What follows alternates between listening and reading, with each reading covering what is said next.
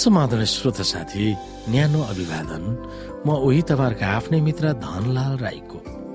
श्रोता आज म तपाईँको बीचमा चकित पार्ने पाथ फाइन्डर विज्ञापन लिएर आएको छु जो चाहिँ लोइडा स्पेनबाट छ। तपाईँको बीचमा म यो कथा राख्न चाहन्छु।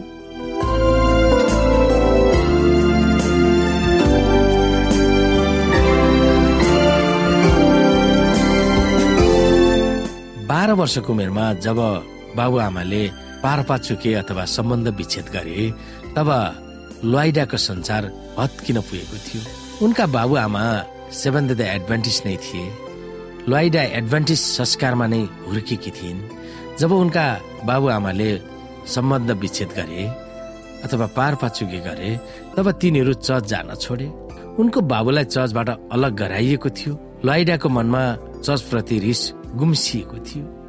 प्रेमिलो चर्चले आफ्नो बाबुलाई कहिले पनि निष्कासन गर्दैन भनेर उनले सोचेकी थिइन्। जब आफूमा भएको रिस भावनाहरूलाई चर्चका मानिसहरूलाई पोखाए तब तिनीहरूले भने कि उनको बाबुले पाप गरे। त्यस बेला लोइडा पाथ फाइन्डर क्लबमा सक्रिय थिइन् र बत्तिसमाको निम्ति तयार गर्दै थिइन्।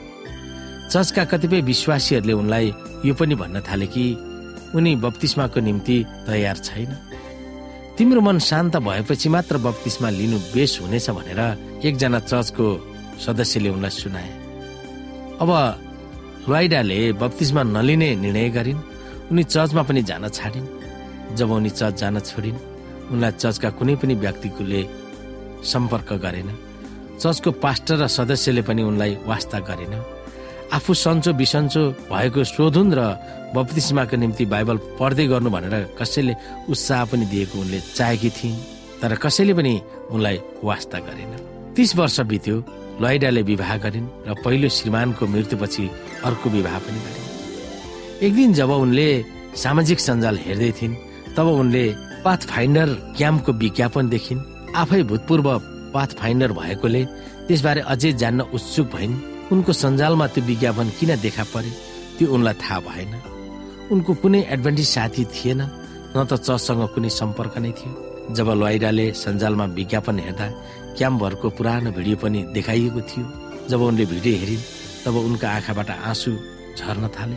उनी चर्च गएको र पाथ फाइन्डर कार्यक्रमहरूमा आफू समावेश भएको उनले सम्झिन्।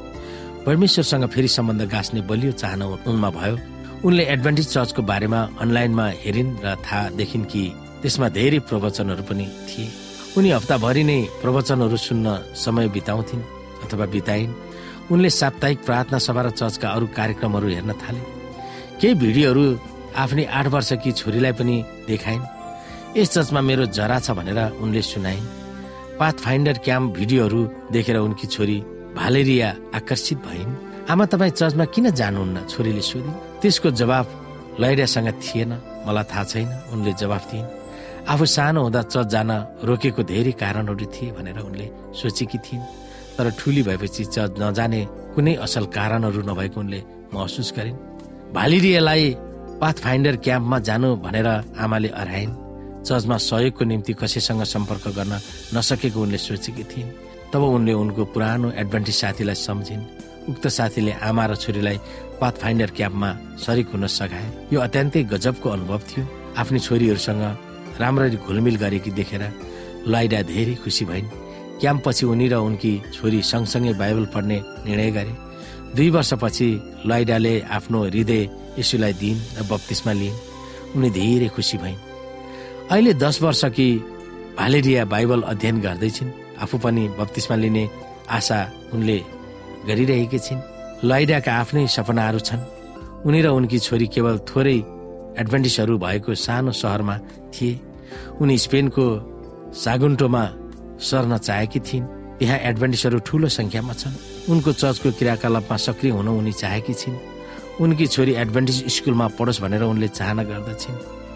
पाथ फाइन्डर विज्ञापन उनको सञ्जालमा अचानक देखा परेकोले उनी खुसी छिन्। तिस वर्षदेखि मेरो जीवनमा केही न केही अभाव भएको मैले महसुस गरेकी थिएँ। अब चर्च र परमेश्वरतिर फर्केकी छु।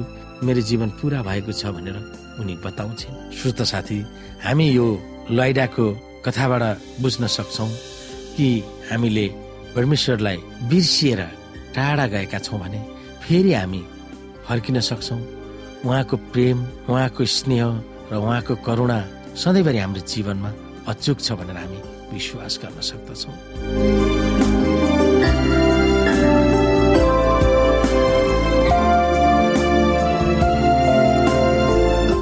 श्रोता आजको अध्यायबाट बिदा हुन चाहन्छु। हस्त नमस्ते जय मसिंह।